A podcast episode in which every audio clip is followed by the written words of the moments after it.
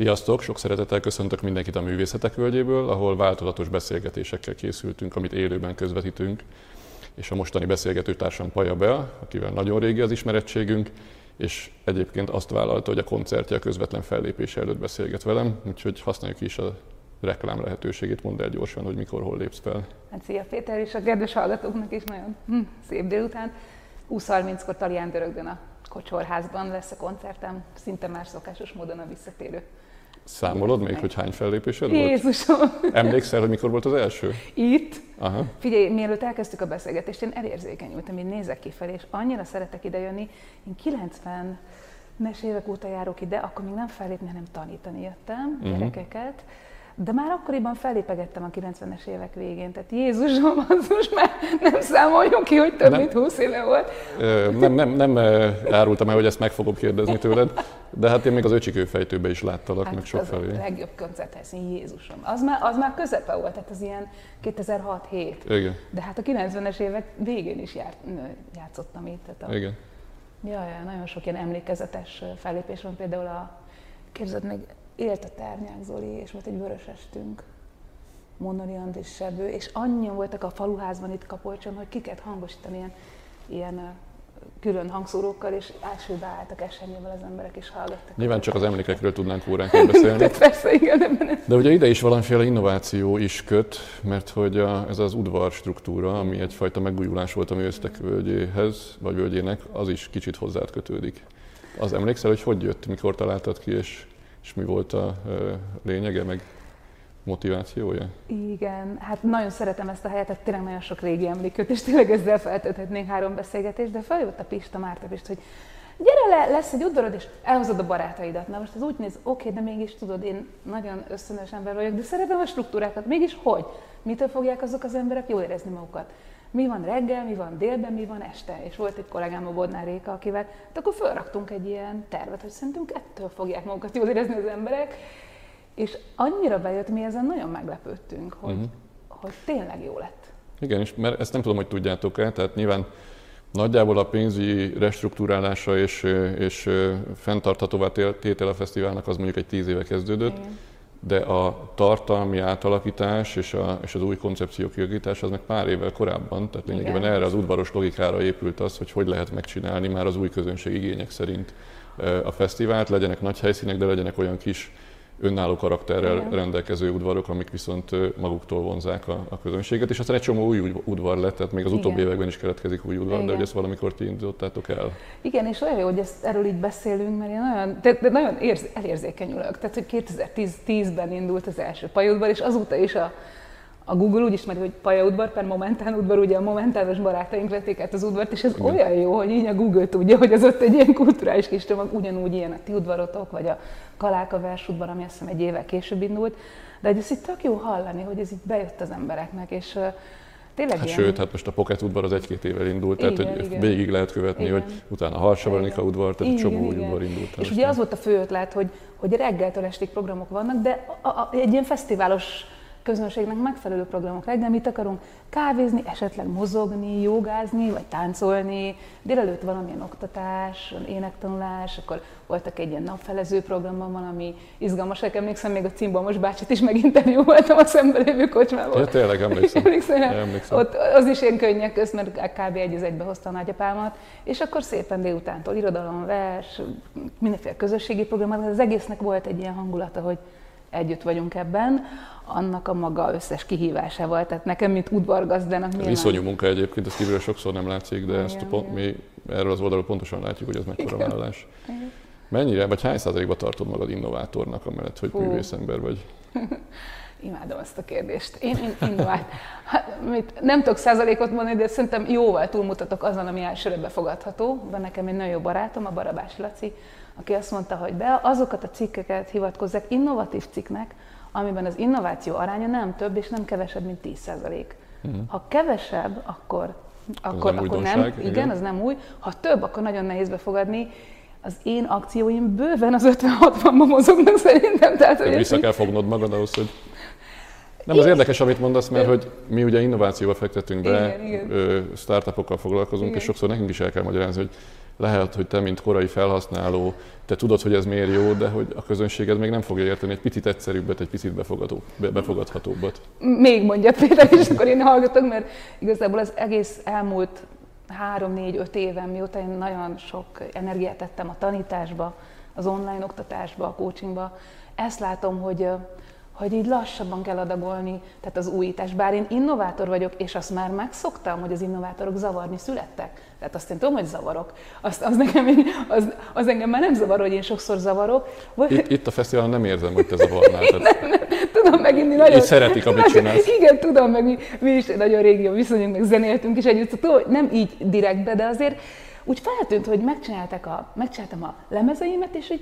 fölhívott az egyik nagy jazzzenész, hogy bead a pszichilemez. De öt éve adtam ki, tudod, és volt egy ilyen, volt egy ilyen, tehát nagyon gyors vagyok, meg nagyon gyorsan változom, nyilván van ennek saját maga története, tehát nem úri huncutságból csinálom ezt, hanem van ennek belső lélektani tétje, meg csomó más tétje, de ilyen vagyok, és megszoktam, hogy zavarok, és azt is megszoktam, hogy amit mondasz, hogy először el kell magyarázni, hogy hé, én azt sem, hogy, ahhoz bizony idő kell, meg nagyon jó kommunikációs stratégia. Szóval hmm. szívemből beszélsz abszolút. Vannak ilyen kedvenc fejlesztéseid, innovációid, vagy számolod, hogy mi minden újdonság az, ami kikerült a kezed közül? Annyira jó.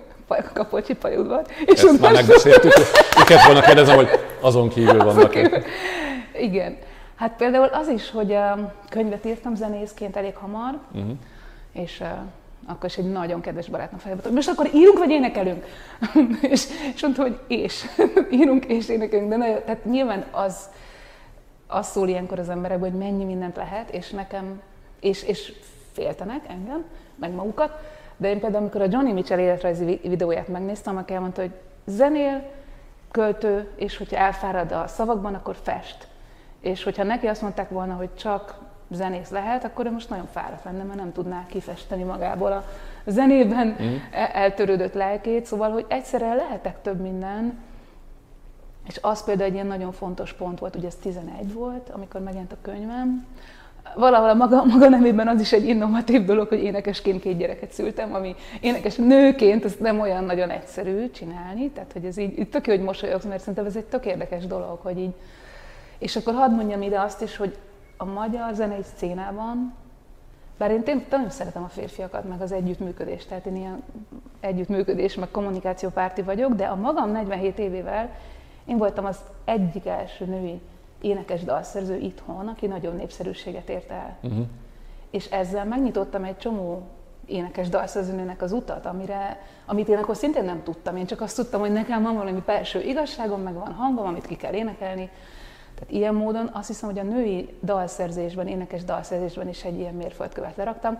Ezt én is csak akkor tudtam, mikor az Artisius előadásokban elmondták meg a CEUM volt róla egy előadás angolul, Pajabben munkásságát tárgyalta szemere. Az érdekes lehet, amikor más, mástól az hallod vissza, hogy Jézusom, igazából ki vagy és mi vagy. Figyelj, az nagyon megdöbbentő volt. Ugye Szemere annak írt a munkámról egy könyvet, nem csak az én munkámról, de az egyik albumomról, és azon keresztül így a kelet-európai női zenélést, megmutatta, és így a CEUN adta elő ezt az előadást, és így néztem, hogy miket, mikre rájött az, én nem is tudtam, hogy én ezt csináltam, szóval azért nagyon érdekes ö, ö, ilyen, ja, hogy akkor ebbe innováltam. És például azt is mondta rólam, hogy nem csak olyan dalszövegeket írtam, ami, ami a női test élményeiről dalszöveg szinten beszél, hanem az előadásban is van egy ilyen uh-huh testi, de hát én mindig testi voltam, tudod, én mindig mozogtam, én mindig, én egy ilyen jó értelemben, mert én ezt a nyers vadállatérőt, ezt bátran használom, és ez is olyan, ami az innovatív mérlege nyilván a pirosban van, tehát ilyen... Nem biztos. Szerintem ez az, amit még könnyebben befogadnak az emberek egyébként. Igen, de és tök jó, hogy ezt mondod, és közben azt, ahhoz kellett nagyon ügyesnek lenni, és de ehhez kellett a psziché.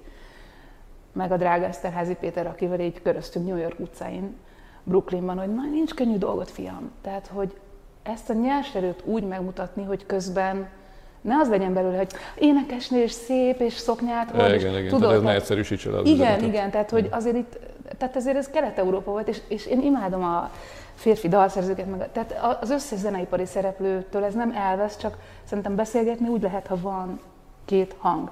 És akkor az párbeszédet csinál, ha csak egy hang van, az nem párbeszéd, és és már ez rég nem kell több, tehát ez nyilván egy sokszínűség, meg sokat több hang, de hogy azt hiszem, hogy én a magam 50%-os innovatív mutatójával ki tudtam nyitni a női énekes dalszerzőknek egy utat, ami, ami ma is él. Tök jó. filmes, filmes kikacsintásra, hogy igen, emlékszem? Igen, hát az is elég innovatív volt. Ugye 2005-ben volt a Transylvania, ami egy ilyen cigányfilm, a Tony Gatliff rendezte, az is elég innovatív volt, én franciául játszottam egy, egy, egy filmben. Én ugye francia két anyagban járt, jártam, Ó, és te, tényleg, igen, igen, sokat, tehát mozogtam francia környezetben, megnéztem, nem tűnt fel, hogy itt nehézséget okozott Ők volna is egyébként. ezt mondták, képzeld el. A másik, az még érdekesebb volt, az meg a Django volt, az Igen. 2015-ben, ahol az első jelenetben az egyetlen közös jelenetünk Cecil de france a Cecil de france az volt, hogy én kvázi lecseszem őt mert ő a szeretője a Django-nak, én meg a feleség is. Franciául kellett mondani szöveget, és ő nem tudta, és én suktam neki. És akkor én, utána mondta az első asszisztens a harmadik nap, hogy ja, neki nem tűnt fel, hogy én nem vagyok színész. Meg az, hogy francia van egy kis akcentusom, de és ez nem vonzott tovább, vagy nem ragadtál benne? Az van Franciaország, hogy 10 évente szoktak egy francia filmfelkérést küldeni, úgyhogy most 25-ben lesz a következő. Igen? De most ez csak ilyen belső legendák, de azt gondolom, hogy én azért most hazajöttem, gyereket szültem, de azért a párizsi kapu az nyitva van, tehát párom Párizsban él, uh-huh. és azért ilyen két laki életet éldegélünk, meg mondjuk a frankofónia sosem ment ki belőlem, uh-huh. tehát hogy ez így ott van. Ők is mondták, hát akkor várjuk a következőt. Akik tanítanak innovációról, azok sokszor azt mondják, hogy azt tud innoválni, aki, aki nem fél hibázni. Uh-huh. Mert ugye aki megtanulja a sablonokat, mindig abban a sablonban teljesít, az uh-huh. egyébként a megszokott keretek között tud jó teljesítményt nyújtani, de sose fog újat csinálni, hiszen fél a hibázástól. Ezt mennyire tartod igaznak? Hú, nagyon, és pont emlegettél egy nagyon érdekes kutatást itt, amiről elkezdtünk beszélni, hogy a Forbes, Forbes 30 év alatt is sikeresek, ugye benne voltak a forbes és utána vizsgálták Amerikában, hogy hol vannak azok az emberek, akik akkor kikiáltódtak sikeresnek, és mondtad, hogy... Hát igen, ott a, a büntetőjogi statisztikák azok elég, elég rosszul festenek igen. róluk. Igen. Tehát ez végül is a Kerouacnak a fix mindset, growth mindset, növekedési vagy, vagy, vagy rögzült szemléletmód, azt hiszem így mondják, Magyarul, tehát én nagyon figyelek arra, hogy a gyerekeimnek azt mondjam, hogy de jó, hogy gyakorlod, és milyen színeket használsz, versus de okos vagy, de ügyes vagy, mert mm. ha berakunk ebbe a kategóriába, hogy kaja be a ügyes, nem tudom milyen, tehetséges énekesnő, azt, azt lehet, hogy nem tudom, én ebből azt hiszem kibújtam ezzel elég hamar, és mi volt az eredeti kérdésed, hogy mennyire félek hibázni? Hát nagyon nem. Tehát uh, szerintem én annyit hibáztam, de hát... Vannak emlékezetes hibák Persze, egyébként? egy csomó. Tehát, hogy uh, most azt kéred a következő kérdés, hogy mondjak egyet. Finoman már ez a kérdés is erről szólt, igen. De csak ha akarsz egyébként. De nyilván mindazok, akik meg, akiket meg akarunk győzni arról, hogy szabad hibázni, azokat könnyebb meggyőzni arról, hogyha mutatjuk, hogy... Jó, mondok egyet. És még ez az előző kérdéshez is egy ilyen átláncolás vagy áthidazás lesz. Ugyanis szerintem a másik innováció az az, hogy én korábban elkezdtem online tanítani, mint úgy az itthoni kulturális, meg oktatási szférában, és az én szeretem az ötleteimet kurzusom, az 18-ban került kamerák elé, és akkor úgy álltam neki, és ezt nem mondom hibának végül, de hanem mondjam, minden tesztelést tudod, tehát minden ötletet, és ez így startup kultúrából tanuljuk ezt az Airbnb példáján, hogy tesztelni kell. Tehát Jaj. kicsibe kipróbálni, mi működik, és ami nagyon fontos, hogy visszajelzést kérni. És például én azt a szeretem az ötleteimet kurzust úgy vettem fel, hogy bár én 12-ben a skripteltem 7 évvel korábban, de ott arra a felvételre nagyon sokszor úgy mentem neki a rekordgomnak, hogy improvizálni fogok. Uh-huh. Ma már sokkal jobban improvizálok tananyagot, akkor is, ha van négy bullet pont, ott iszonyatosan izgultam, és uh-huh. beszorultam, és tök érdekes volt, hogy máig a tananyagnak az egyik legértékesebb videó, hogy ahhoz viszont bátor voltam, hogy nem megmutatom neked, befagy kapcsolt ki a kamerát, nem fog menni, nem, nem fog, nem tudom, hogy nincs, nincs na, szar, nagyon rossz, úristen, nem, ez ment, uh-huh. sőt, egy idő után nem is beszéltem, befagytam, uh-huh. könnyek a szembe, de befelé, lélegeztem el, és azt mondtam, kapcsolt be a kamerát. Bekapcsolták a kamerát, és real time, élve boncoltam magam, fölvettem azt a videót, hogy na figyeljetek, ilyen a berakadás. És basszus, ott élőbe jöttem ki belőle. Hogy én most azt gondolom, hogy úristen, senkit nem fog érdekelni, és jönnek ezek a hittételes mondatok, és tudod, mit csinálok, lélegzem, már most jobb, és valószínűleg te is fogsz a saját innovatív ötleted megvalósítása során ilyen helyzetbe kerülni, mit csinálj? Csak valamit csinálj valamit, mennyi tovább lélegez, és csak valamit csinálj. Figyelj, most is ráz a hideg, arról egy előjelre beszélek, és az angol nyelvű tananyagomban ugyanez. Jézusom, az angol mondatok megettek engem, és le, lefeküdtem délután, és egy órát aludtam én, ami nonsens. Mintha, mint az orosznál harapott volna konkrétan. Mm. Ezt uh, örökli az ember, tehát genetikus adottság, hogy valaki innovátor, és egyszerűen így éli az életét, hmm. vagy lehet ezt tanulni és tanítani? Annyira jókat kérdezel. Nagyon köszönöm, hogy... De tényleg jó, mert tök izgő, nagyon, meg nyilván te is ebben vagy, hogy... Hát azért kérdezem, ezt mert érdekel. Hát persze, de, de még tök jó a labda. Ö, örökli-e, vagy, vagy lehet tanítani? Na, akkor elmondom, amit én erről tudok, és aztán majd lehet, hogy így explorálunk mm. együtt, hogy uh, szerintem egy része az a tét, amit az előbb mondtam, az a szót, hogy tét. És figyelj, azt azért, tehát engem sokan dalszerzőként ismertek, tehát az én lényem olyan, nagyon sok fájdalom van, ami, ami az, ami. Uh-huh. És nyilván itt a tét az az volt, hogy az úgy igaz, ahogy igaz. Tehát az úgy jön ki a dalokban, és nem máshogy. Én ezért lettem dalszerző, ezért ezért írtam azt és úgy, és mondtam a, a zeneipari dolgozóknak ott a tárgyasan, hogy a nagyapám lába az nem, nem tárgyalási tétel, nem lesz kisebb a buklet azért, mert, nem, mhm. mert olcsóbb lenne kinyomtatni. És hát nyilván nehéz, egy ilyen nagyon eh, nehéz ember lehettem, vagy nem tudom, akkor még nem kommunikáltam így, de az, azt tudtam, hogy, hogy a tét az nagy, tehát hogy az én igazamat, azt ki kell mondani. Ez az egyik, hogy szerintem, ha azt kérdezed, hogy öröklött, én inkább azt mondanám, hogy persze öröklünk karakterisztikát, meg öröklünk szenvedélyt, meg élet, nem tudom, valami érzékenységet is, de aztán jön egy nagy adag történet, ami viszont elég hamar elkezdődik. Tehát mondjuk csecsemő, vagy, vagy még, még in vitro, még elkezdődik a hasunkban, tehát hogy ilyen szempontból van egy ilyen generációs lánc, amin így jövünk, és tehát ami a, ami a saját történetünk, abból tudunk dolgozni. Mm. Az öröklésnek talán az, az, az érzékenység részét érzem. Mm. Tehát, hogyha így ismerem a... Jó, nyilván az a, az a leglogikusabb válasz, hogy vannak öröklött adottságok, és vannak fejleszthető igen, tulajdonságok. Igen, és ez lett volna a másik, hogy vannak öröklöttek, és vannak taníthatók, és nekem azon kellett dolgozni, az előző példát is tök örülök, hogy eszembe jutottad, azon kellett dolgozni, hogy amikor úgy érzem, hogy itt nincs tovább, akkor konkrétan a fagyott állapotból, amit tudjuk, hogy egy, egy, egy, egy biológiai válasz a félelemre, hogy ott, azon, abból a mozdulatlan fagyállapotból el tudja kezdeni fight, tehát a freeze-ből fightba, ne is flightba, hanem fightba menni, mm. tehát valami cselekvőbe menni, ami lehet egy izommozdulat, valami, vagy egy mélyebb belégzés, és az egyébként tanítható. Nyilván, ha szeretem az ötleteimet kuzubri, nem csak lélegezni tanítom meg az embereket, de az egy nagyon, figyelj, előttem, én nagyon sok embert végkócsoltam. Tehát azt mondod, hogy ha nekünk vannak olyan cégünk, ahol egyébként tehetséges fiatalokat láttunk, Igen? akik új dolgokat találtak Igen? ki, de közben belesültek, nem úgy reagált a piac, Igen. elhasaltak, és emiatt a bénultság állapotába kerültek, őket valójában ebből fel lehet rázni. É, nagyon, teljesen. A, na, és akkor pont itt akartam folytatni, hogy én az elmúlt hat évben szerintem több ezer embert kócsoltam végig. Tehát, hogy a, mit, nyilván ebben benne vannak a szabad workshopok is, de a, a, csak a kurzusaimat mérjük, elvégeztem mondjuk 800 ember. És én láttam élőben ezt, hogy, hogy igenis fel lehet rázni, mert nagyon sokszor ott van a lényeg, hogy van egy félelemállapot, akár története válogatja, valaki befagy, van, aki csak hülyeségeket csinál és prokrastinál, és még öt év múlva sincs kész, amit meg akar csinálni. De valójában a, a bukástól félnek. Ez is kapcsolódik ahhoz, amit te mondasz, hogy fix mindset, fix mindset, nekem jónak kell lennem, és mi van, nem sikerül. Akció a perfekció előtt, ez az én egyik hashtagem. Hogy csak csinálj valamit csinálj valamit, rakj a tökéletlen anyagodat, teszteld. És még egy dolog, kérdezd meg az embereket, hogy milyen. Hmm. Tehát az, hogy nekem ma van éneked magad szabad egy éves programom, azért van, mert két éven át kérdeztem az embereket, hogy mit szeretnétek tanulni, mi az, ami jó, mi az, ami nem jó. Léci, mondjátok el. És kérdezd az emberek, elmondják. Tehát, ja, abszolút. Az, ez, csak kérdezni nem mer senki, vagy nagyon igen. sokan nem mernek kérdezni. Igen, mert magukra veszik. Tehát, hogy én erre ki, a, a kreativitás kurzusomban van egy szó, hogy vedd már anyagnak, amit te kitaláltál, az nem te vagy.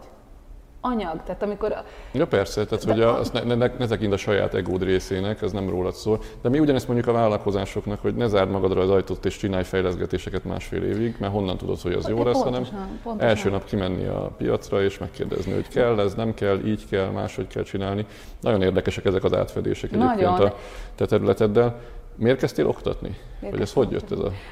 Mondandóm volt. Jó, de ezt el is lehet énekelni igazából. Nem mindent, nem mindent. Tehát ott van egy tömörített forma, egy dallam, tehát az egy, az egy másik megjelenés. Azt éreztem, hogy túllóg a mondandóm a formán. Uh-huh. elkezdtem, elkezdtem új formákat keresni. Meg egyébként pont ide tartozik, amit mondasz, hogy tesztelni, tesztelni, tesztelni. Figyelj, 25 éve állnak e-mailek a leveles ládam, hogy légy taníts. Tehát, hogy én nem tudtam, hogy tudok tanítani, még el nem kezdték kérni, hogy Léci, tanítsunk minket énekelni, vagy a hangáltal, vagy most már minden.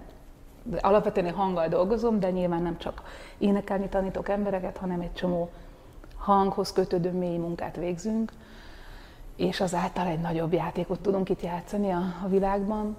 De én nem tudtam, hogy tudom ezt, hát úgy derült ki startup gondolkodás, hogy elkezdtem csinálni, uh-huh. és én nekem is meg kell tanulni, hogy aha, azt ne vegyem magamra, anyag, én nem rám mondják, hogy én hülye vagyok, bár ha rám mondják, azt hozd el kettővel. azt mondja, hogy az a feladat nem működött neki, csak nem mindig olyan tudatos, hogy így elmondja, de az az anyag, tehát az az anyagra vonatkozik, ez működik neki, ez nem. Akkor mi felé menjünk, ami több embernek működik. Arról van képet, hogy kik kérik a te tanácsaidat, persze, vagy oktatásodat? Persze, mi, milyen persze. típusú emberek mennek hozzád? Azt kérdezett, hogy mi az én nisem. Tehát az egyik, biztos, hogy olyan emberek, akik nagyon szeretnek segíteni másoknak, tehát én magam is ebbe a kategóriába tartozom, hogy azért a dalaim sem csak sima, nem arról szóltak, hogy én szép vagyok, és jól éneklek, bár nyilván volt két évtized a szakmámban, amíg erről szólt, hogy légy színi, vegyetek észre, és ennek is megvan a maga története. De hogy így olyan 47 éves vagyok, olyan jó 7-8 éve elkezdtem érezni azt, hogy most már így szolgálhatnék mással is, vagy másképp is. És kicsit már a pajudvar is erről szólt szerintem, mm. hogy így... Az egy jó kísérlet volt. Igen, tehát hogy azt, azt, a, azt a fajta értékrendet, ami mentén én élek, figyeljetek, azt lehet, lehet csinálni. Igazából tudom, hogy nagyon azt mondta nekem egyszer egy könyvkedő, hogy te Beata, tök illogikusan lettél sikeres. Tehát, hogy egy ilyen sércigány lány a falu széléről elvileg nem kéne, hogy sikeres legyen, de valamiért, valamiért mégiscsak az, hát nyilván nagyon sok munka van benne. Szóval, hogy én ezt elkezdtem azt megérezni, hogy, hogy szolgálhatok is, másképp is, és akik, akik hozzám jönnek, azok nagyon szeretnek szolgálni, tehát ez az egyik, tehát uh-huh. nagyon mhm. gyakran segítő szakmákban vannak, nagyon sokszor kócsok, pszichológusok, külföldi kliensem és rendre ilyen típusú segítési vágyja, vagy egy ilyen jobbítási misszióval rendelkeznek a világban. Szeretik a zenét, tehát van érzékenységük a zenére, de nem feltétlenül professzionális énekesek, tehát hogy az is egy ilyen érdekes a, a nisnek a, a megfogalmazása. De úgy mennek hozzá, hogy ők téged egy sikeres énekesnek ismernek, és egyébként kíváncsiak az ezzel kapcsolatos gondolatokra is, vagy már van egy ilyen coach branded is, és már ekként is elfogadnak? Hát most már van. Tehát most már van, ez hat év munka volt, és most már látják az üzeneteimet, tehát az én ABC, Always Be Campaigning, tehát én azért minden nap kirakok valamit, hmm. ami az üzenetem, hogy beszélj a testedből. Kül- külső körülmények ezt mennyire befolyásolják? Az, hogy volt egy Covid, nagyon. Ahol nyilván előadó művészként sokkal kevesebb lehetőség volt, de az online világ meg mindent felszívott. Péter, sokkal kevesebb lehetőség. Egyik napra a másikra nincs koncert. Tehát ez, az így nézett, annyira édes, hogy... Diplomatikusan fogalmazott. Szoktál, igen, tovább, te jó diplomata vagy. Nem, az egy, az egy szopás volt. Az az volt, hogy én ültem valahol külföldön, és mondta az akkori menedzser, hogy be, nem lesznek koncert. Á, biztos lesz már a műpa, majd két hónap múlva, és akkor mondta a kollégám, a másik, hogy körülbelül két év, míg úgy le fel lehet építeni. De nem az, hogy nem volt, hanem az olyan érzés volt, hogy kirántották a lábam alól a talajt. Volt uh-huh. az egyszem kreativitás kurzusom, és semmi más. Uh-huh. Tehát, hogy az, az, az ennél, azért akartam itt a hevességet behozni, mert ez egy nagyon drasztikus fázis Jó, volt. de ez mutatja, hogy a megújulás, az innováció, az sokszor a külső körülmények diktálják. Abszolút, abszolút. És akkor már benne volt a levegőben, hogy én online is tanítok, tehát én a második babám születése után egy picit visszavonultam, és gondoltam, hogy hát hogy fogok én nekik estemesét olvasni, a Sopronban van a koncert. Tehát ez is benne volt, hogy hmm, online tanítás, ez nem rossz, függ, egy jó kell hozzá, meg nyilván agy, meg tananyag, meg lélek, meg, meg, meg az ott, azóta még rájöttem nagyon sok mindent, tehát aki erre adja fejét, ez fölhívhat, hogy így például kell a fenék, amivel ülsz 12 órát naponta, tehát és ez mondjuk 8 hónapon át, mert mi most ebbe voltunk, így a programfejlesztés kapcsán. Tehát azért az elkezdődött már a gyerekeimmel is, tehát külső körülmények, Covid nagyon, abszolút, és akkor ott álltunk, hogy oké, okay, van a szeretem az ötleteimet kurzus, vigyük le az árát a felére, és jöttek százan. Uh-huh. És utána abból felépítettünk egy szép új ívet, plusz rájöttem, hogy azért mégiscsak én a hangról tudok a legtöbbet. Miről tudok? A hangról. Ezt a Jóisten bárki is az adott nekem hangot. Én azt tudom, hogy ez hogy kell és mit kell vele csinálni, és nem csak arra jó, hogy énekeljek vele a Carnegie Hallban, bár azt is elértem, hanem arra, hogy belülről egy, ilyen, egy belső igazságot, ha kimondok, akkor az az üzenet átmenjen. És ez mondjuk nem mindegy, egy, akár egy kapolcsi pajúdvar létrejött akkor sem. Szóval igen, külső körülmények ennek a Covid az nagyon sokat számított, bár így az nagyon szar volt akkor, tehát az nem Jó, hát ezt most nem akarom úgy eladni, igen, igen, nem, nem. mi mindent köszönhetsz a Covid-nak, mert igen. nagyon sok szenvedést is köszönhetnek. Igen, igen, igen, nyilván ez is benne van, és hát a két gyerekem is, tehát az, azért az tökre benne volt, hogy, és a vállásom, mint, mint egy ilyen mellékes körülmény, hogy, hogy én egyedül nevelem máig őket, és imádom nekik az esti mesét olvasni, és 20-23 még mindig, anya még egyet, nem, 30 korórán van, anya még egyet, na jó, az két oldal, és akkor 25 van, és 30-kor belépek, hogy good evening everyone, és, és imádom. És ebben mennyi koncertezés fér még bele? Belefér egy csomó minden. Tehát amikor a címet elküldtem neked, hogy a koncertezéstől az online oktatásig, azért gondolkodtam az, hogy senki ne gondolja azt, hogy nem éneklek, mert imádok énekelni. Tehát, hogy Hát a fele-fele körülbelül, tehát most van az, hogy az egy nyár az koncertes, tehát mm. a héten három van, jövő héten is három. Tehát azért elég sokat játszom, relatíve ahhoz képest, hogy a, mondjuk így az október végétől a március végig tartó időszakot meg végig tanítom. Mm. Tehát ahhoz képest azért szerintem többet dolgozom, mint mondjuk tíz éve. Mm de, de egyelőre még nem látom azt, hogy bármelyiket is abba hagynám. Az egyiket építem, a másikat imádom, építem és imádom. Mondjuk ennyit nem kell dolgozni. Tehát azért az, hogy tehát azért én bennem is, ha most így még lenne másfél óránkám, tehát az én történetem is van egy ilyen, hmm. ö, egy olyan sáv, amitől nyilván van az, hogy érvényes kell, hogy legyek, és, mm. és hallatszódjak, és, és Igen, ezt nem látom benned, hogy most még felére vennéd a fordulatszámot. És, és látod valaha bennem, Péter, ismersz tizenéve, sose. Egy, majd szólok, ha látom, egyelőre még nem láttam. Viszont... Meg hát imádom, tehát bocs, tudom, hogy le kell zárni, de imádom ezzel akarom, hogy imádom, tehát amikor, és, és, és az, hogy és, nem vagy, nem vagy, hanem és, ez ennek a beszélgetésnek is a cím, hogy ennyi minden van, de mind tölt. Mm mind jó. Mondjuk a testnek az is töltet, de, de, azért, de azért jó. Szuper. Nem olyan hosszú az időkeretünk, meg koncerted is lesz nem sokára.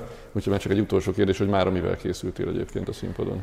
Imádni fogom egyrészt egy 75 perces koncerttel, amin már nagyon várom, hogy a hangokba így belelovagoljam magam, és azért lovagoljam, mert egy picit így a ló téma körül építettem a nyári setlistet. Képzeld, elővettem a, ugye van a tavalyi csillagvágta dal, ami mm. egy ilyen kicsit ilyen transzos, elrepülő tegnap láttam az Oppenheimert, tehát olyan képek vannak benne, ilyen csillagos atom, atom részeske, részeske gyorsulás és atomhasadás. És a másik ilyen lovas dal, ami bekerült, ez egy 20 éves szám a lovas dal, és iszonyan élvezzük, hogy egy ilyen régi új szám így bekerült a setlisbe, úgyhogy így nagy energiák fognak megmozdulni, és természetesen sok-sok jó hang és szeretet. Nagyon köszönjük, akkor én most elengedlek, és ott találkozunk. Jó, köszönöm, köszönöm a beszélgetést. is. Szia. Szia. Sziasztok.